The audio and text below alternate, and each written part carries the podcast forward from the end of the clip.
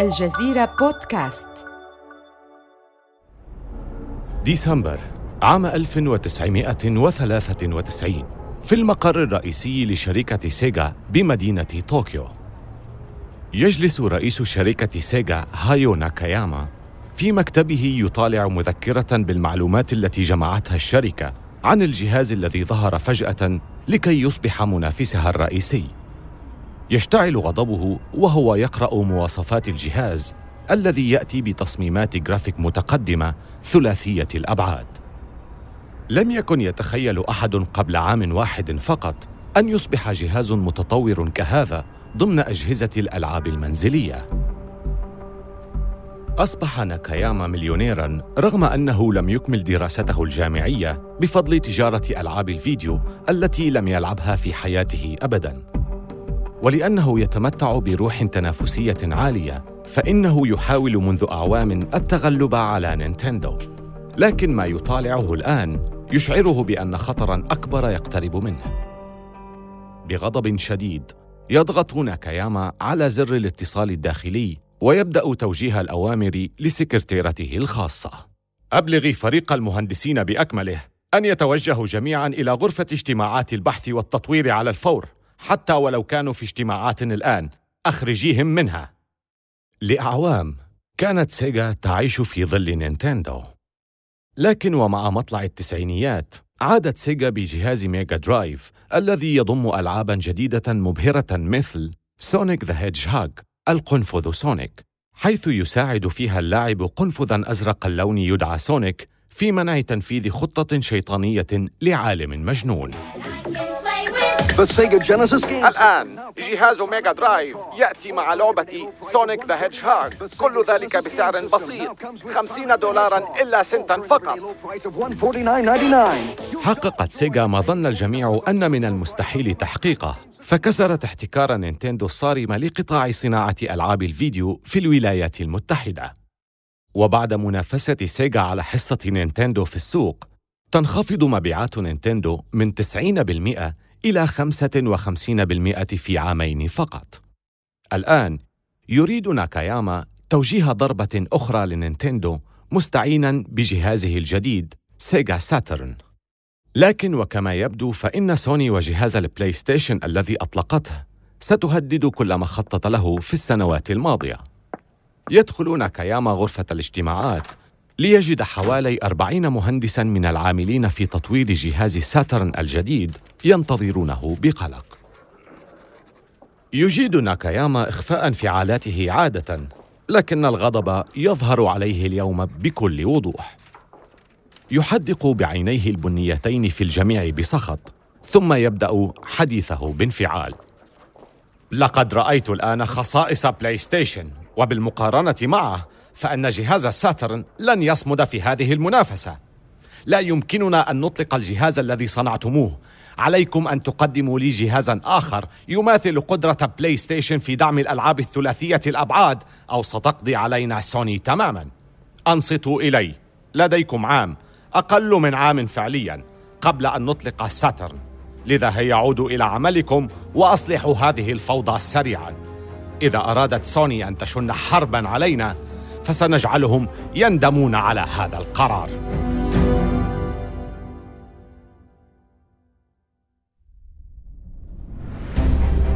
من الجزيرة بودكاست بالتعاون مع ووندري هذا بودكاست حروب الأعمال.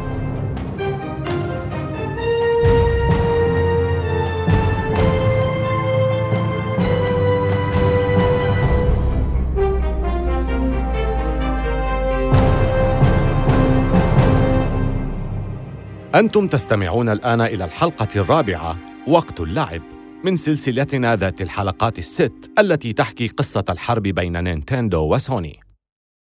إنه الثاني والعشرون من نوفمبر عام 1994 لم يتبقى سوى أقل من أسبوعين على طرح بلاي ستيشن في المتاجر اليابانية وشركة سوني تعج بالحركة.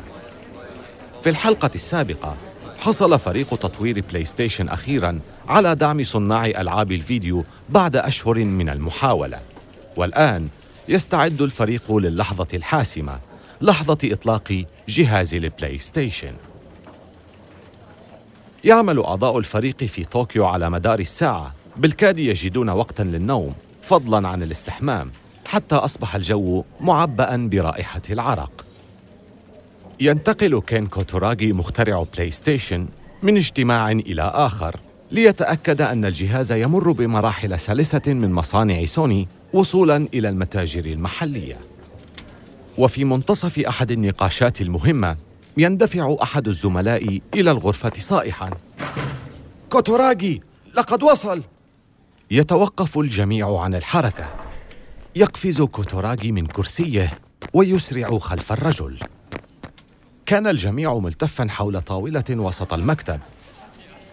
يشق كوتوراغي طريقه بينهم ليصل إلى مقدمة الطاولة. على الطاولة يرى ذلك الجهاز الذي انتظروا رؤيته جميعا طوال النهار. لا ليس جهاز سوني بلاي ستيشن بل سيجا ساترن. ما زال الجهاز في علبته. لقد تم شراؤه للتو من متجر إلكترونيات قريب. تم إطلاق ساترن منذ بضع ساعات. وقد بدأ بالفعل تحقيق مبيعات مرتفعة خلال هذا الوقت القصير. حين كان مشغل سيجا السابق ميجا درايف يحقق نجاحا كبيرا في أمريكا الشمالية وأوروبا لم يهتم به اليابانيون ولكن الأمر مختلف هذه المرة. في جميع أنحاء اليابان يصطف محبو ألعاب الفيديو ليحصلوا على جهاز سيجا الجديد. ويأتي هذا الجهاز محملا بلعبة تدعى فيرتوا فايتر منذ عام مضى كانت فيرتوا فايتر أكثر الألعاب إثارة في نوادي الألعاب حيث كانت خطوة ثورية في تطوير ألعاب الفيديو من الرسومات الثنائية الأبعاد إلى عالم الجرافيك الثلاثي الأبعاد. لم يسبق للاعبين أن رأوا مصارعين عمالقة يظهرون بشكل ثلاثي الأبعاد. يتحرك المصارعون الخارقون بسرعة وخفة ويحاكون حركات الفنون القتالية الحقيقية. يخيم التوتر على فريق سوني، ففي أقل من سنة طورت سيجا مشغل ألعاب قادر على معالجة الجرافيك الثلاثي الأبعاد بضعف سرعة جهاز البلاي ستيشن. والآن يصبح ساترن هو طليعة التطور التكنولوجي الذي ينقل متعة نوادي الترفيه إلى أجهزة الألعاب المنزلية. يرمق موظفو سوني بعضهم بعضا بنظرات متسائلة. ماذا سنفعل الآن؟ ثم ينظرون جميعا إلى كوتوراغي. حسنا! ماذا ننتظر؟ هيا لنفتح هذا الشيء ونرى ما بداخله. يفصل كوتوراغي توصيلات ساترن ويقلبه على ظهره. يضع يده في جيبه ويخرج مفكا ويبدأ في فك الواجهة البلاستيكية التي تجمع مكونات الجهاز. ثم بدأ المهندسون فك الكابلات وفصل مصدر الطاقة وإزالة اللوحة المعدنية التي تغطي اللوحة الرئيسية. يرقد الجهاز المفكك أمام فريق سوني. يمكنهم الآن رؤية ما فعلته سيجا على عجل لتدرك بلاي ستيشن لكنه لم ينل إعجابهم. تمتلئ الدائرة الكهربائية الرئيسية بعشرات الرقاقات والمعالجات الدقيقة. يقترب كوتوراغي أكثر. يا إلهي، كم عدد هذه المعالجات؟ يقوم المهندس بعدها سريعا. واحد، اثنان، ثلاثة؟ لا، أربعة. أومأ كوتوراغي برأسه. حسنا، هذا يفسر قدرة الجهاز العالية على معالجة الجرافيك الثلاثي الأبعاد. لكن أربعة معالجات إنه كابوس لأي مبرمج. سيكون تنسيق العمل بين هذه المعالجات تحديا حقيقيا للمبرمجين. ربما تمكن مهندسو سيجا من صنع جهاز ألعاب يمكنه أن يتفوق على بلاي ستيشن لكن كوتوراغي يعلم أنه سيكلفهم الكثير. يا للفوضى رقاقات وكابلات كثيرة للغاية. من المؤكد أن إنتاجه لم يكن سهلا. بمثل هذا التصميم لن تستطيع سيجا تحمل تكاليف تصنيعه لفترة طويلة. قام كوتوراغي بكثير من الحسابات المعقدة ليتأكد من إمكانية إنتاج كميات كبيرة من جهاز بلاي ستيشن بسهولة.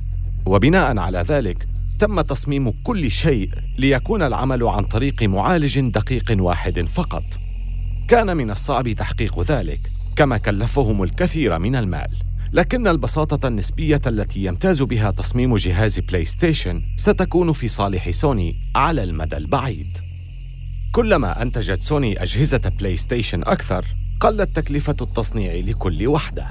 وعلى عكس ذلك، فإن الحل السريع الذي انتهجته سيجا لإنتاج جهاز ساترن بهذا الشكل المعقد يعني أنها لن تتمكن من خفض تكاليفه بنسبة كبيرة.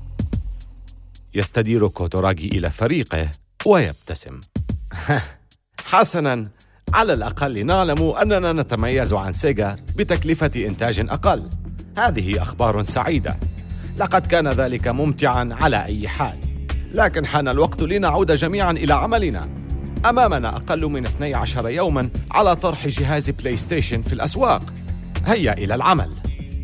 أسرع المهندسون لاستئناف عملهم. تاركين سيجا ساترن على المكتب كفريسة ممزقة الأحشاء.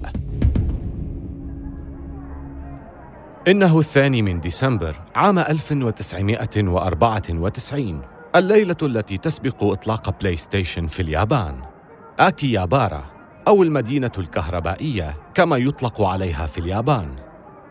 إنها مركز التقاء المهتمين بالإلكترونيات تحتوي على أكبر مراكز الإلكترونيات وألعاب الترفيه وأفلام الكرتون والقصص المصورة في العالم. في منتصف تلك المدينة يقع مبنى لاوكس المكون من سبعة طوابق. إنه أرض العجائب في عالم الإلكترونيات وألعاب الفيديو وشخصيات الأكشن. المتجر مغلق خلال الليل، لكن صفا من الزبائن ينتظرون بالخارج. أتى أول شخص في تمام الساعة الثامنة مساء. بعد قليل انضم إليه أشخاص آخرون. جميعهم يقضي الليلة بلا نوم تحت أضواء مدينة أكيابارا الساطعة منتظرين بفارغ الصبر أن يسمح لهم بالدخول في الصباح. تشرق شمس طوكيو ولا يزال المنتظرون خارج المبنى يتزايدون. وحين يفتح المتجر أخيرا يتدفق المئات عبر البوابات. أمضت سوني شهورا عديدة تروج لمنتجها الجديد وتعلن وسائل الإعلام عن المواجهة الوشيكة بين جهاز بلاي ستيشن وجهاز ألعاب ساترن وبمساعدة فريق العلاقات العامة لشركة سوني شكلت الحملات الإعلانية انطباعا بأن سوني قد أصبحت شركة ذات نفوذ في مجال ألعاب الفيديو وليست مجرد شركة تقدم منتجها الأول كما هي في الواقع. وتقول إعلانات الصحف والمجلات بكل جرأة بأن سوني ستبيع مليون بلاي ستيشن. أنفقت سوني الكثير على الإعلانات التلفزيونية أيضاً. لقطات سريعة من ألعاب بلاي ستيشن المذهلة مثل لعبة ريدج ريسر ثلاثية الأبعاد التي أنتجتها شركة نامكو. إعلانات غريبة ظهرت أيضاً. يظهر في أحد هذه الإعلانات عمال يرتدون زيا موحدا في مكاتب تبدو كئيبة. يقرعون مكاتبهم في تناغم ويطالبون بجهاز ألعاب سوني الجديد.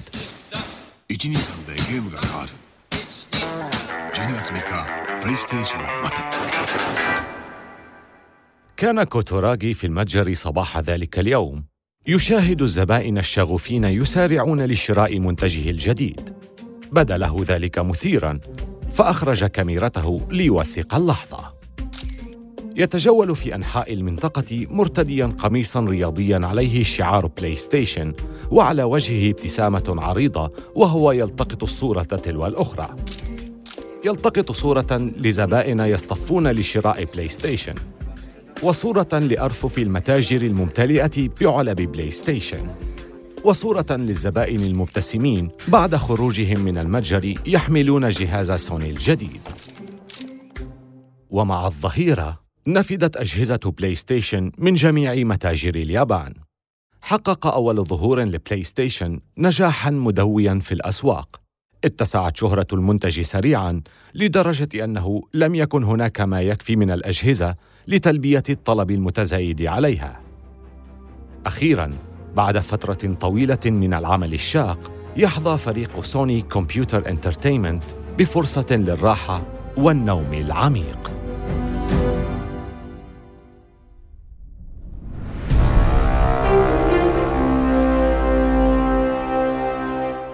إنه أحد صباحات يناير الباردة في طوكيو. يصل كوتوراغي إلى مكتبه في مزاج جيد ليجد تقارير مبيعات عيد الميلاد على مكتبه.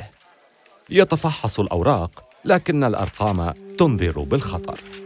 تفوق مبيعات سيجا من جهاز ساترن مبيعات بلاي ستيشن ولا يبدو أن سبب ذلك هو إطلاقه قبل أسبوعين من إصدار سوني لجهازها الجديد.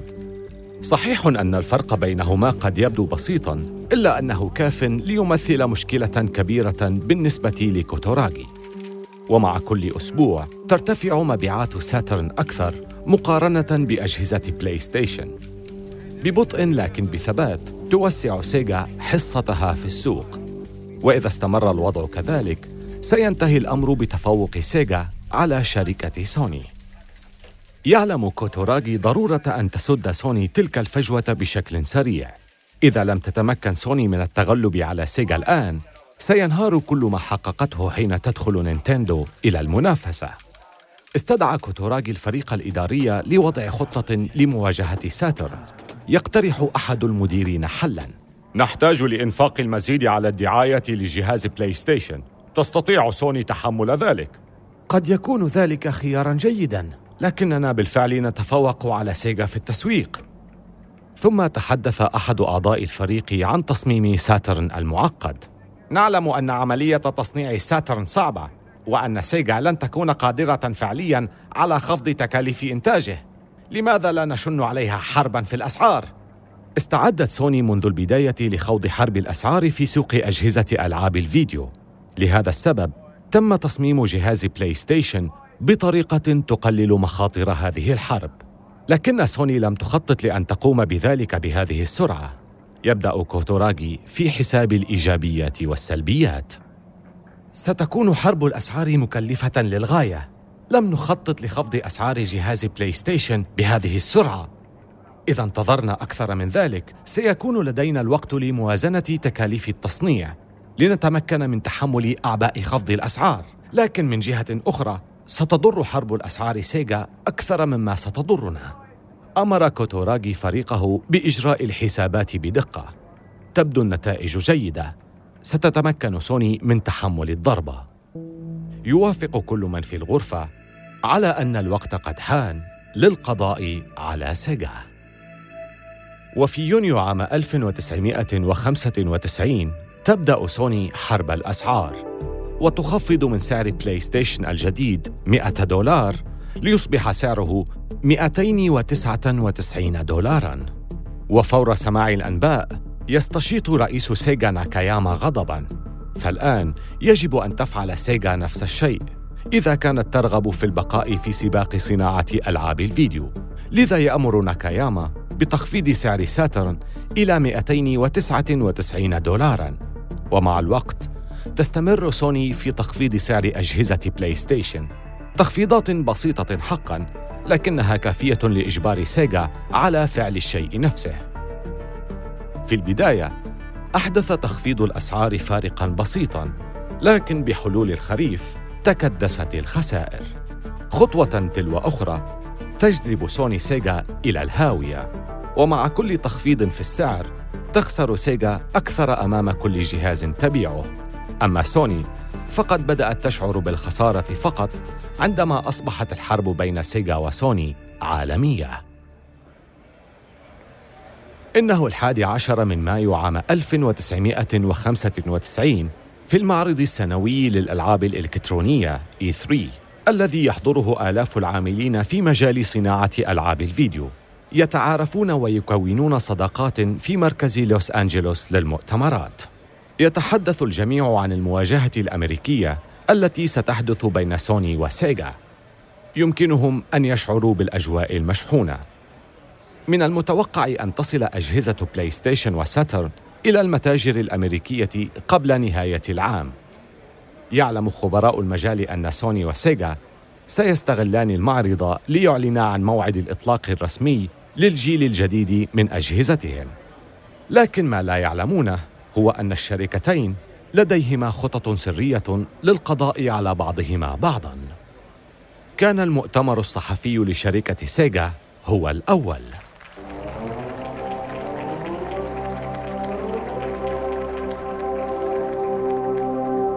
على المنصة يقف توم كالينسكي رئيس شركة سيجا في الولايات المتحدة الأمريكية وهو مدير تنفيذي قوي هادئ مولع بربطات العنق زاهية الألوان. يعد كالينسكي من الشخصيات البارزة في مجال صناعة الألعاب فهو من أنقذ الدمية باربي أثناء عمله في شركة ماتيل. كما أنه هو من صنع ميجا درايف الذي حقق ملايين المبيعات في أمريكا رغم كل العوائق. اليوم يحاول كيلينسكي عرقلة وصول أجهزة بلاي ستيشن إلى الولايات المتحدة. بعد أن بدأ حديثه صرح كيلينسكي بما يترقب كل من في الغرفة سماعه أنا سعيد لإعلان أن جهازنا الجديد سيجا ساترن سيتم بيعه في أمريكا ابتداء من. توقف كيلينسكي لإشعال حماس الحضور أكثر. من من الآن. نعم ما سمعتموه صحيح. سيجا ساترن سيتم بيعه بدءا من الآن في متاجر مختارة في عموم البلاد مقابل 399 دولارا. تفاجأ جميع الحضور بمن فيهم تجار التجزئة الذين سيقومون ببيع ساترن. وبينما كان ينزل من على المنصة كان يبتسم بثقة وهو يحدث نفسه. حاول التفوق على ذلك يا سوني. يواجه تلك الضربة التي سددها كيلينسكي أولاف أولافسون وهو شاب أيسلندي طويل شغل منصب المدير التنفيذي لشركة سوني في أمريكا. وحتى إن أزعجه إعلان سيجا المفاجئ عن ساترن فقد نجح في إخفاء ذلك. صعد إلى المنصة وبدأ الحديث عن منتج شركة سوني مولودها الجديد في ساحة ألعاب الفيديو. وبعد عشرين دقيقة من حديثه قام أولافسون بحركة مفاجئة للجميع. دعا ستيف ريس المسؤول عن أجهزة بلاي ستيشن في أمريكا للصعود إلى المنصة. يتحرك ريس من مقعده في الصف الأول ويصعد إلى المسرح حاملا مجموعة كبيرة من الأوراق بما يوحي للحضور بأنه سيلقي خطابا طويلا. يتجه ريس إلى المنصة ويميل على الميكروفون ويقول بوضوح 299 تمر لحظة من الحيرة أو عدم التصديق. وبعدها ينفجر الحضور بالهتاف والتصفيق بحرارة بينما ينزل ريس عن المسرح. عاد أولافسون إلى الميكروفون بابتسامة عريضة تظهر على وجهه. في حال لم ينتبه أحد لما حدث فإن سعر جهاز بلاي ستيشن سيكون 299 دولارا عندما يصل إلى المتاجر الأمريكية في التاسع من سبتمبر. في آخر القاعة كان كيلينسكي يراقب ما يحدث بذهول. سرقت سوني الأضواء بطرح جهازها بسعر أقل بمئة دولار عن سعر ساترن. بالطبع كان يعلم أن سوني ستشن عليه حرب أسعار في أمريكا كما فعلت في اليابان. لكن أن تبدأها منذ اليوم الأول؟ لم تتوقع سيجا أبداً أن تضحي سوني بالإيرادات التي تأتي من المستخدمين الأوائل الذين يمكن أن يدفعوا أكثر لكي يحصلوا على أحدث جهاز ألعاب في السوق. لكن سوني لا تكترث لذلك إنها فقط تريد توسيع حصتها في السوق. هناك المزيد من الأخبار السيئة في انتظار كالينسكي وهو يغادر مؤتمر سوني الصحفي. لم يكن قد أخبر بائعي التجزئة عن إصدار ساترن المفاجئ وهو ما يثير غضبهم إلى حد الشجار معه. يلمح تاجر محلات KB Toys كيلينسكي ويذهب إليه غاضبا. أنت لم تشركنا في إطلاق ساترن ونحن ثاني أكبر سلسلة محلات لبيع الألعاب في الولايات المتحدة. ما هذا بحق السماء؟ آه حسنا. أنا فقط لدي خطة. في الحقيقة لا. لا تخبرني بأي أعذار. يستحيل أن نقوم بعرض ساترن في متاجرنا الآن. مطورو الألعاب غاضبون أيضا. فقد باتت خططهم لإصدار الألعاب بالتزامن مع طرح ساترن في الولايات المتحدة في مأزق. ومطورو الألعاب وبائعو التجزئة هما الطرف الثالث الأساسي لنجاح سيجا. أمضت سيجا سنوات في محاولات كسب ثقة بائعي التجزئة وصانعي الألعاب. لكن الآن وفي غضون ساعات دمرت كل ذلك. أخذت نينتندو موقف المتفرج وظلت تراقب منافسة سوني وسيجا بهدوء. بالرغم من اهتمام نينتندو بما يحدث التزمت الصمت ولم تصرح بأي تفاصيل عن مشغل ألعاب الفيديو الذي تنتجه. نينتندو 64 الغامض. كل ما ستصرح به نينتندو هو أنها ستطرح جهازها الجديد العام القادم وأنه جهاز يستحق الانتظار. في الأشهر التالية يتعثر ساترن. تمنحه المتاجر مساحات محدودة فقط للعرض حيث يفضل معظم اللاعبين انتظار جهاز سوني الأرخص. لا تريد سيجا تخفيض السعر الآن. وتحاول السيطرة على الوضع لكن المبيعات تكاد أن تكون منعدمة. وبحلول شهر أكتوبر أي بعد أقل من ستة أشهر على الكشف عن ساترن أدركت سيجا أنه ليس أمامها أي خيار آخر. تخفض الشركة سعر ساترن إلى 299 دولارا. لكن حين ذاك كانت سوني على طريق النجاح. يتصدر بلاي ستيشن كل القنوات التلفزيونية حيث تنفق سوني الملايين على الإعلانات العصرية الجذابة لتستحوذ على الأجيال التي نشأت على ألعاب نينتندو و MTV. لدينا أخبار جيدة وأخرى سيئة. الأخبار الجيدة هي أن هذه الألعاب يمكنها تسديد ركلات قوية. وأما السيئة فهي أنكم أنتم من ستتعرضون لهذه الركلات. أنتم لستم مستعدين. لذلك. تمتلئ دعاياتهم التلفزيونية بالكثير من اختصارات الحركات وشفرات تجاوز المراحل في الألعاب وعبارات تشجع اللاعبين على قبول تحدي ألعاب بلاي ستيشن وبحلول عيد الميلاد تتفوق سوني على سيجا ببيعها جهازين مقابل كل جهاز ساترن في أمريكا. وهو ما حدث في أوروبا أيضا حيث كثفت سوني جهودها لجذب جيل الشباب إلى بلاي ستيشن بشكل أكبر. الطريق إلى حملة الدعاية الإعلانية الأوروبية هو لعبة Wipeout وهي لعبة سباق فائقة السرعة مع موسيقى التكنو الصاخبة. تسعى سوني لوضع أجهزة بلاي ستيشن في أكثر الملاهي الليلية الأوروبية ازدحاماً بحيث يجربها أولئك الذين يأخذون استراحة من حلبة الرقص.